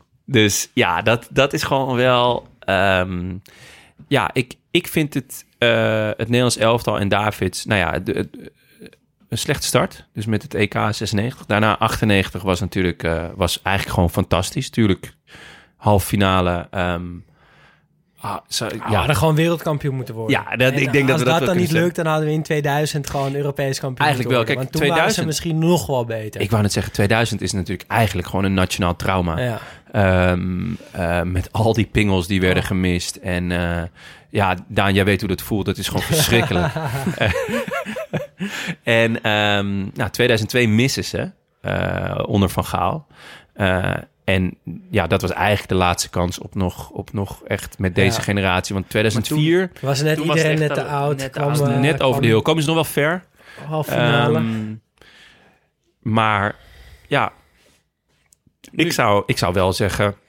Ik, ik vond, eh, kijk, Zeedorf en, en Oranje was een ongelukkig huwelijk. Mhm. Altijd. Er werd altijd met argusogen gekeken naar, naar wie die was en waarom en, en eh, eh, wat hij allemaal zei. Maar Davids was eigenlijk altijd wel eh, een ontzettend gewaardeerde kracht. Stond eigenlijk ook altijd, als hij er was, wel basis. Was op een gegeven moment eh, onder Van Basten nog, nog reserve aanvoerder. Ehm, ja, ik, dat, dat, dat fragment in 96, of dat, dat incident, dat is ook wel weer typisch Davids, denk ik. En ik wil daar nog aan toevoegen dat ik die shirts zo mooi vind. De uitshirts van Nederland in 96, dat zijn die witte, witte. Umbro shirts Ja. met Ja. een soort fale oranje bovenkant. Ja. En die kleine Nederland, Nederlandse vlaggetjes op de mouwen. Ja, ik vind, er, ik vind ze ook En mooi, maar echt meer als een soort cult mooi. Ja, cult mooi. Niet zo, niet zo mooi als bijvoorbeeld die, dat oranje shirt met, het, met die zwarte veehals. Ja, die is mooi. Zeg maar, die is, dat is gewoon Maar dit was daadwerkelijk esthetisch mooi. Even tussendoor hoor, was ja. dit. Ja, ook met zo'n knoopje toch nog? Echt een, een echt knoop. Ik, Ja, had- dat ik had dat shirt. kunnen, ja. En, Ja, eh, het shirt van 94 uitshirt trouwens ook heel mooi. Helemaal wit. Met een heel dun Hollands vlaggetje langs de randjes van het kraagje. En de Oh, ja. mouwen. Ook prachtig. Ah, vet. Goed. Ja. Hij gaat eh, naar Tottenham. Ja, eigenlijk kunnen we denk ik ehm, stellen dat Davids zijn carrière tot en met Barcelona fantastisch was. Gewoon echt, echt ontzettend goed. Ja, met Eh, één mindere periode bij Milan. Ja, ja, en dat is dan door blessures. Ehm, na, ja, bij Inter mislukt hij. Had hij wel nog, eh, kwam ik op een heerlijke anekdote met Mancini. Mancini die had de gewoonte om spelers pas in de kleedkamer op het bord te schrijven wie er speelde en wie niet. Maar ook wie er op, het, op de tribune zat. En nou, Davids die was dus al een keer dat hij gewoon in de, in de kleedkamer zat. En toen echt tien minuten voor de wedstrijd te horen kreeg van ja, je zit op de tribune. Eh, en dat was een uitwedstrijd. En toen had hij gezegd van joh, trainer, kan je dat niet anders doen? En vooral als ik op de tribune zit, laat me even weten, want dan blijf ik thuis, ga ik gewoon trainen. Nou, volgende wedstrijd, Mancini had zoiets gezegd van ja, is goed. Volgende wedstrijd exact hetzelfde. Vervolgens ging de, de eerste training daarna, deed Mancini mee, want die had nog het idee dat hij echt de beste was. En David dacht eerst van, oh, dat, dat is een grap. Nou, was Mancini was bloedserieus. Dus Mancini had de bal en Davids, Ja. being Davids. Maar als je dat volgens mij twee keer flikt bij David, zoiets, dan is het respect weg. En dan Ja. lijkt me heel moeilijk om het weer terug te verdienen. Ja, en eh, nou ja, Davids die, eh, ah, die zet een kleine tackle in. En eh, Mancini ging hinkend van het veld. nou ja, goed. Dan weet je ook wel, dit gaat hem niet meer worden bij, eh, bij deze club. En toen ging je naar het Tottenham van Martin Jol. Een rare, rare stap wel, toch? Van Inter naar toen nog niet zo grote. Nee, klopt. Was best een, eh, een, een, stap terug eigenlijk, toch? Eh, Ja. Maar wel een heel vet team. Ik bedoel, we hebben het vaak over dit team gehad, het Tottenham van Jol. Beetje een vreemdelingenlegioen, maar wel heel Overal waar Jol. Trainer was, werd het op een gegeven moment gewoon een vreemdelingenlegioen. Ja, met- En het was bij Tottenham inderdaad ook zo. Ja. En ik weet nog wel dat Tottenham toen het idee had dat ze een wereldster binnenhaalden, wat natuurlijk ook nog wel zo was op papier. Ja. Maar dat hij toch, nou ja, bij Vlagen liet hij het zeker zien. Ehm, en ze vinden hem nog steeds een van de beste middenvelders die ooit het Tottenham shirt heeft gedragen. Ja. Ja, alleen eh, ja, als je kijkt naar het hele plaatje, volgens mij in twee, twee jaar of veertig wedstrijden gespeeld of zo, Ja. net te weinig. Eh, en toch ook weer zijn ego wat heel erg in de weg eh, zat. Hij maakte ruzie met Robbie Keane. Ja. Ehm, en dat is een beetje wat is blijven hangen bij die periode. Ja. Dus dat was net als Inter gewoon geen succes. Ergens ook wel logisch. Kijk, als je mm, eh, jarenlang dienend hebt gespeeld voor Zidane, Ronaldinho, Netvet... en dan Ja. moet je dienend spelen voor Robbie Keane... Nou, hij moet gewoon, eigenlijk wat Jasper net zei, hij moet gewoon niet de allerbeste zijn. Hij moet gewoon respect hebben voor je. Ja. Ja. Maar dat, dat gaat in, eh, ja, in zijn carrière, wordt dat steeds lastiger. Want hij gaat na Tottenham wel een mooie transfer, maar toch zeker wel weer een stapje terug. Naar Ajax? Ja. Ja, maar ik was wel... Ik weet nog dat ik heel blij was. En hij deed het eigenlijk ook zeker het eerste half jaar echt ontzettend goed. Eh, sowieso was dat ook een vet team. Was natuurlijk onder de Judas. Henk de Katen. We kennen hem allemaal. En, eh, Van zijn acteercarrière dan? Ja, ja, zeker. Hoe zou het ermee gaan? Kijken jullie die serie? Nee. Ik heb alles gebinged. Het was fantastisch. maar ehm, nee, eh, hij ehm, kwam in een team met onder andere Stam. Wat natuurlijk ook nog een grote naam was. Maar Snijder speelde er ook. Jonge Huntelaar, Babel, Heitinga, Vermalen. Eigenlijk was het een heel vette ploeg. Eh, werden net geen kampioen. Was dat het gekke jaar dat het allemaal op... eh, Op één punt, op, één doelpunt? Op één doelpunt werd, werd beslist. Weet ik Weet even ik niet zeker. Heb ik ook Volgens niet. mij wonnen ze de beker in ieder Ja. geval met Davids. Ja, en eh, nou, er gebeurde... eh, er was een vrij legendarische wedstrijd tegen PSV in Eindhoven. Nou, dat is een, eh, in principe een onneembare vesting, vesting voor Ajax. Maar eh, ze wonnen met 1-5. En eh Davids had een poeier. Eh, een afgeslagen bal. Nou, ik denk een meter of 35, zoiets. En hij neemt hem in één keer volley, vol op de kruising. Herulio Gomez, de octopus, kan er alleen maar naar kijken. En dat is ook precies wat hij doet. Hij kijkt de bal na en Krijgt hem zo op zijn krijgt kop. hem vol op zijn bakkes. Waardoor hij ook knock-out gaat. Dus hij was eventjes weg. Want het schot was zo hard. eh, dat er ook moest ook verzorging komen. En uiteindelijk, eh, nou ja, ehm, ging hij daardoor... eh, ja, speelden ze wel een heel vette pot. Het werd 1-5 en... eh, ehm, ik ga jullie zo meteen ook weer vragen eh, welke oud ploeggenoot van Davids die ene goal maakte voor PSV in die wedstrijd. Oeh. Dus eh, nou, dan hebben jullie alvast die vragen voor de quiz kunnen jullie alvast over, ja, over nadenken. Maar goed, hij stopt Ja. met voetbal na Ajax. Hij is twee jaar eh werkeloos. Ik denk een beetje op pleintjes aan het voetballen. Ja. Maar dan opeens, twee jaar later, out of the blue, komt er opeens het nieuws dat hij voor Crystal Palace gaat voetballen. In de championship. Krijgt een soort eh, no cure, no pay per wedstrijd betaald. En het enige wat hij op de persconferentie zei was... "Oh, ik ben hier toch, let's have fun. maar dat ging helemaal niet. Hij bakte er helemaal niks van. Nee. Ze verloren bijna alles met 3-0. Een Britse tabloid opende de voorpagina met Davids... dat hij What on earth I, am I doing here itis had. Ehm, hij was ook een paar weken terug naar Nederland. omdat Zijn vader overleed, dus dat, dat hielp allemaal niet mee. Dus uiteindelijk maar zeven wedstrijden gespeeld. Ehm, wel leuk detail dat in dat seizoen een 17-jarige Wilfred Zaha zijn Oh, debuut maakte. vet. Mooi. Ja, Eh, maar zelf zegt hij dat hij een ontzettend leuke tijd heeft gehad. Ontzettend naar zijn zin. Een van zijn leukste periodes qua voetbal uit zijn carrière. Ja? Ehm, dat vind ik dan ook weer maar wonderbaarlijk. goed, stop na die zeven wedstrijden weer met voetbal. Maar dan herhaalt dit zich weer. Weer twee jaar later komt er Twee een jaar, is ook niet nog kort. bizarder bericht. Dat hij gaat voetballen in de English, English Football League Club Barnet FC. Die club bestaat al 124 jaar en had tot dan toe nog maar 17 wedstrijden niet op amateurniveau gespeeld. Ehm, maar hij speelde vaak mee met soort liefdadigheidswedstrijden en veel op pleintjes. Schijnt dat hij af en toe in Londen op pleintjes opeens opdook om mee te voetballen. En de voorzitter van Barnet had gezien dat hij bij die- zo'n liefdadigheidswedstrijd was. En die had de organisator gevraagd van... Hey, kan je me in contact brengen met die Edgar Davids? Die had een afspraak een paar dagen later en het werd meteen beklonken. Hij zou manager en speler worden Oh, van Barnet heerlijk. FC. Hij moest ze behoeden voor degradatie naar non-league. Wat goed Eh, zeg. Maar het ging weer ook helemaal mis. Tenminste, Nou, het was ergens wel een Het succes. begin was wel goed, toch? Maar eh, wat we ook eerder zeiden, hij eiste van zijn spelers hetzelfde niveau als hij had gezien bij Zidane. En dat Ja. lukte niet. En dat kon hij niet.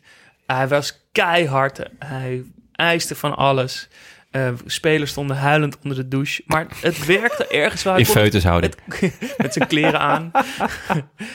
maar het werkte wel. Hij kon wel het kaf van het koren scheiden. Er stonden wel een paar spelers op. En hij zag wel de zwaktes en sterktes kon hij goed zien van de spelers. Hij wist dat toch wel te gebruiken. Ehm, maar verloor eigenlijk al zijn eerste wedstrijd als manager met 3-0. De eerste tegen Plymouth Argyle. Prachtige naam. Zeker, ja.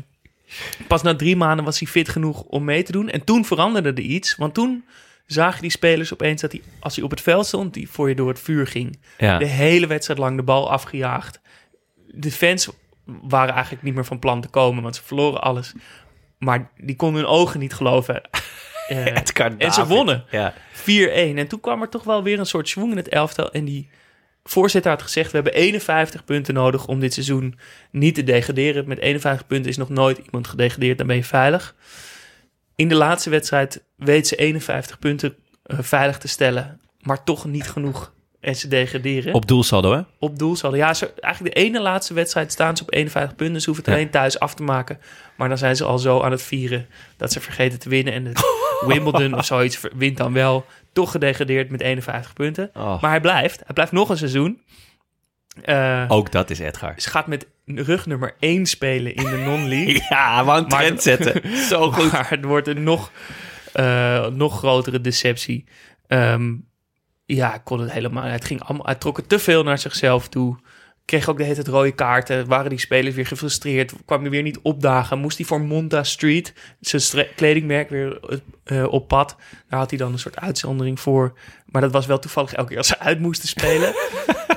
Een beetje dat Neymar altijd er geschorst is als zijn zus jarig is, toch? Ja, ja, ja. Ehm, en kon eh, de, de wedstrijd voor de winterstop. Al, Ja, ja, ja, is, ehm, ik las een verhaal over dat hij in zijn Bentley van die meer dan een ton had gekost met zijn voeten op het dashboard naar de, naar de training kwam kijken. Dat hij gewoon zijn auto naast het veld parkeerde, vanuit zijn raampje Oh. keek en dan weer wegreed. Dat is ook goed. Weet ik niet of dat, eh, of dat echt zo was. Nee. Een, eh, ook een mooie anekdote over zijn tijd daar, over zijn onverzettelijkheid, was dat het trainingsveld van Barnet FC aan een eenrichtingsverkeer weg lag. En je moest rechts afslaan als je het veld afkwam. En Davids ging elke training linksaf. pakte elke dag een boete. Omdat linksaf gewoon sneller was. En dan gewoon scheid. En ik denk dat ook een soort statement naar zijn spelers. Van je moet Ja. nergens bang voor zijn. Gewoon Ah, alles doen. Goed zeg. En toch hebben ze geen, eh, toch geen spijt van hem. Nee. Er is hem ook een speler zegt, ja, ik heb echt gehuild en het was keihard, maar ik had het nooit willen missen. Bijvoorbeeld de ene keer dat het een bus met het hele Braziliaanse elftal stopte bij Barnet FC om Davids even te begroeten. Die waren voor een oefenpotje ergens in Londen. Wauw. Eh, en Dat stopt dus die- het vet, hele Braziliaanse elftal met Ronaldo en iedereen stapte uit. En die spelers die tot voor kort gewoon doelpalen van twee jassen hadden, die stonden opeens oog in oog met die gasten. Dus het was allemaal, het was het allemaal. Voor die spelers moet het ook sowieso heel vet zijn geweest. Maar ik vind dus wel dat eigenlijk alles wat na eh, Inter komt, in Davids carrière, toch wel afbreuk doet aan het eerste deel. Soort van, ik merk het ook gewoon, eh, die, dat eerste deel van wat we net allemaal verteld hebben, dat was zo mooi. Ja. En dan op een gegeven moment wordt, ja, maakt hij een paar foute keuzes. Oké. maar dat stoppen met voetbal en weer terugkomen. Soort, ik, het Ja. voelt een beetje een soort van die vastberadenheid en die overtuiging die hij altijd had in zijn carrière. Dat die opeens helemaal zoek is. Dat hij soort van niet meer weet wat hij moet doen. Oké, ik stop. Nee, ik ga toch door. Ik ga naar Crystal Palace. Nee, ik ga naar Barnet. En daarna is hij ja, een soort van trainingscarrière begonnen, maar ook weer niet echt. Want Ja. bij Telstar, Olanensa Al Ali, dat Monta Street, dat kledingmerk, is het volgens mij ook niet echt geworden. Een soort van, ik mis die Davids van... kip zonder kop. Ja, gewoon. van waar, waar is die, die vastberadenheid, die, die overtuiging, waar is dat gebleven? Ja, ik kan me dat eigenlijk best voorstellen. Kijk, ehm, eh, hij is natuurlijk vanaf, nou, hoe oud was hij toen bij Ajax? Van volgens mij 13. Eh, ben je voetballer. En dat is gewoon wie je bent. Dat is je identiteit. Dat is, dat is ja, ben je, je staat ermee op, je gaat ermee naar bed. En op het moment dat dat wegvalt, eh, vrij plots ook, dan kan ik me best voorstellen dat je, ja, dat je gaat twijfelen aan wie, wie ben ik, wat wil ik, wat doe ik. En als er dan weer zo'n mogelijkheid komt, dat je weer voetballer kan zijn. Ja, maar om dan nou bij Crystal Palace in de Championship te gaan voetballen. Ik heb het idee dat hij gewoon een soort eh, eh, romantisch beeld bij Engels voetbal heeft. Dat hij daar Dat gewoon zou van kunnen, houdt. Dat hij daar, daarom ook naar Tottenham ging en nog weer naar Crystal Palace. En dat, dat hij toch dat, hij dat mooi vindt. Nou, dat zou ik, een, dat zou ik nog wel een, een, een mooie reden ook Ja, dat is vinden. het enige wat ik kan bedenken. Ik, vind- ik, eh, ja, ik, vind- ik vind het gewoon jammer dat dit ook Davids is. En niet die Davids Ja, die ja. ik in de Champions League finale die duels met Seedorf heb zien uitvechten. Ja, maar hij doet het niet voor het geld. Hij doet Nee. het voor, Nee. gewoon om het voetbal. Nee, maar dat is ook misschien wat John in het begin zei, die, dat enigma van dit is...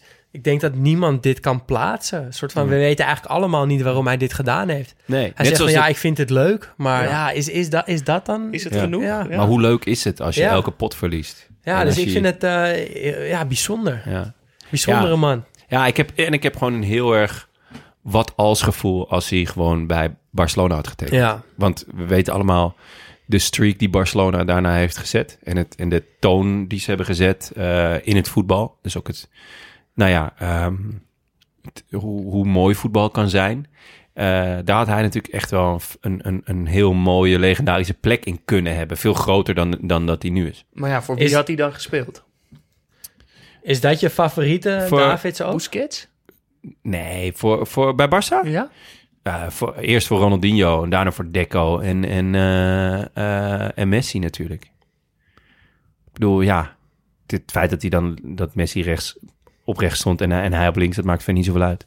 Toch? Dat maakt niet zoveel uit, nee. Als hij gewoon één iemand heeft waarvan hij weet, oké, als ik hem de bal geef, dan wordt het feest. Dan, dan, Dan is het genoeg. dan, ga, ik wel, dan ga ik wel buffelen.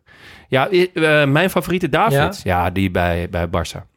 Ja. Ja, kijk, ehm, als, je, als je het gewoon puur statistisch bekijkt en, en gewoon over een langere periode, is het natuurlijk ehm, eh, bij Juve. Daar is hij, was hij gewoon echt, echt absolute wereldtop. Ehm, ja, ik heb ook in mijn hoofd nog steeds eh, heel warme herinneringen aan hem bij Ajax. Eh, zowel ook toen hij terugkwam, zelfs toen hij terugkwam, vond ik het alsnog heel vet. Maar in mijn hoofd gewoon dat, dat hoe hij Barcelona eh, eh, ja, letterlijk dat, dat gif gaf. ja, dat, dat heeft wel. dat, ja, da, dat, dat vind ik echt het allervetst. Ik moet zeggen dat ik dan toch wel die Davids van Juventus zeg. Want daar was hij, was hij ook dat, dat hele fanatieke, maar dat, dat kon hij toen waarmaken op het veld. En dan mag je ook zo veel eisend en fanatiek en hard zijn. En als je daarna, als dat niet meer in balans is, dan wordt het dus een beetje, dan loop je jezelf voorbij. En ik denk dat bij, bij Juventus eh, allebei die twee dingen perfect op zijn top was. Ja. Het voetbal en het gif. En daardoor kon hij ook zo zijn. Ja. Pikte iedereen het van hem. Ja.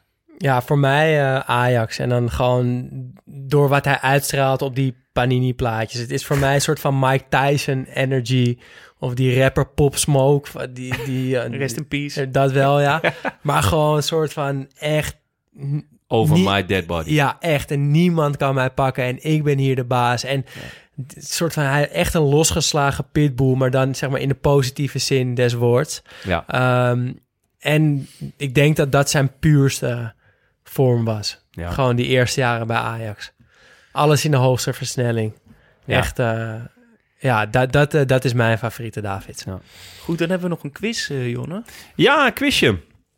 Eh, ik heb natuurlijk door de, door de uitzending heen al wel wat, eh, Ja. wat dingen gedropt, zo her en der. Ehm Davids debuteerde in, eh, in 1991 als linksbuiten, omdat de vaste linksbuiten Blessa was. Wie was dit? Brian Roy? Dat zou ook mijn gok zijn. well Ja. played, well Zo, played. ik ben blij dat ik ook Ja. een keer iets Ja. weet. ja, jullie zitten natuurlijk in dezelfde wappie, wappie scene. Of, eh, ik spreek hem elke week.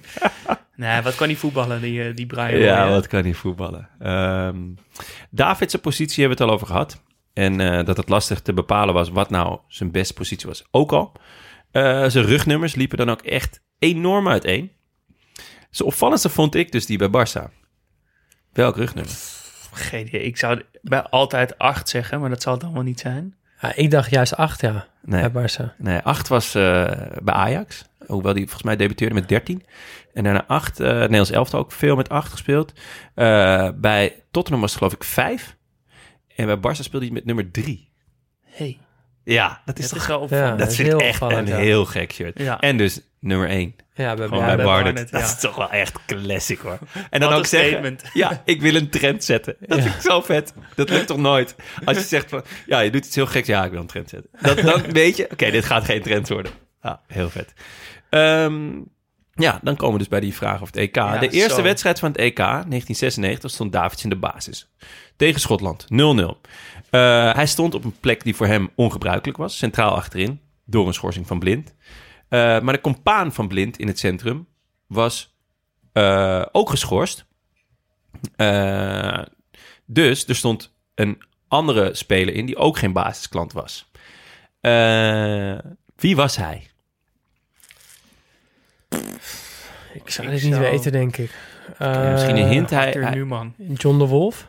nou, de voornaam is goed. Nee, bijna goed. Eh, ehm, hij speelde bij Roda. Gersende. Mark Luipers? Regilio Vrede? Eh, Erik van Leur? Hij ging, eh, hij ging naar Roda. Eh, Roda had natuurlijk een enorm succesjaar. In 1996 werden ze tweede. eh, met eh Tijani Babangida, onder andere. Mark de van. Bommel? Eh, nee, dat is Fortuna. Dat is Ah, ja. Ehm, en dan ging hij naar Schalke 04. Daar heeft hij nog best wel lang gezeten. Ehm, Mulder? hij voetbalt met potten en pannen.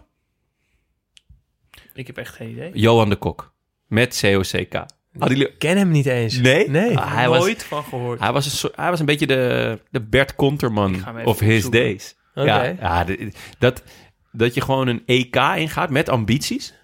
Eh, dus gewoon de ambitie om Europees kampioen te worden. En de eerste wedstrijd stel je gewoon een centrum op van Edgar Davids en Johan de Kok. Ja, ik vond het echt... Iconisch centrum. Nog nooit Echt? gezien, deze Nee? man. Ja. Ja, ik zit nu foto's Ja, van jullie te zijn kijken. echt een tandje jonger, dat merk ik dan toch. Maar goed, Utrecht? maakt niet uit. Ik denk dat een aantal luisteraars nu wel, wel een tijdje hebben geschreven... Johan de Kok met COCK. Ja, die, die hebben zichzelf zitten opvreten. Ja.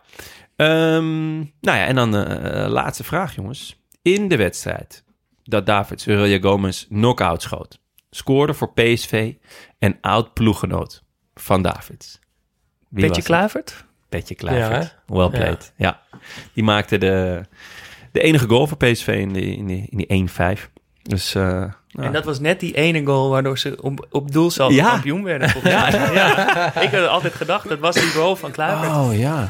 Ja, dan zal het, dan zal het wel dat Maar het seizoen was een beetje zo'n zo'n niks-goal die opeens uit de lucht Ja. viel. Ja. Oh, pijnlijk. Dat was hem, jongens. Dat was hem. Ja, Hebben jullie genoten? zeker. Ik vond het Ja. wel echt heerlijk om, om in Edgar Davids. Ja. Ja. ook omdat er zoveel cultuur omheen, die Nike-reclames, die bril, die reclames, dat Ja. nationale Nederlanders shirt. Er komt, er komt zoveel meer bij dan alleen Ja. die wedstrijd. En dat is Ja. altijd lekker. Ja, zeker. Dan hebben we ook weer eh, een nieuwe vriend van de show. Namelijk Spineless eh, Ricky. Ehm, Rick zonder ruggengraat? Ja, Dat kan alleen maar Rick Nugget zijn, toch? Ik denk Van het. onze Ja.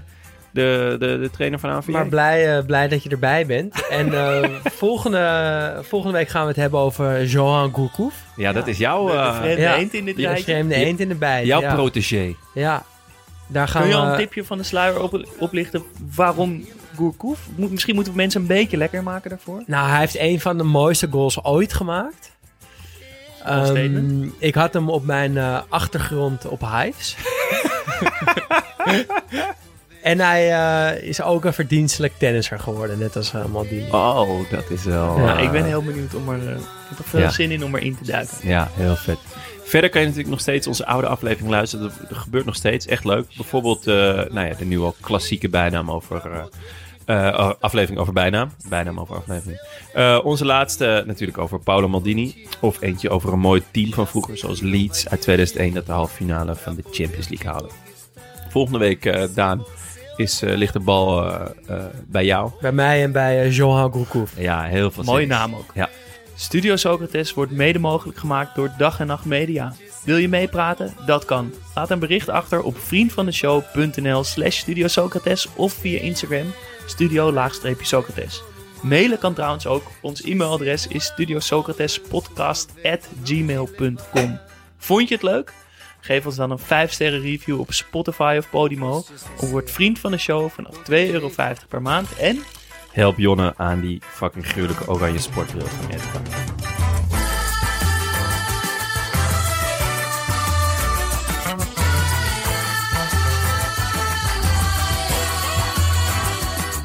A beleza é você, menina, no seu jeito de olhar. O sucesso é você, menina, menina, no seu modo de andar. Alegria é você, menina,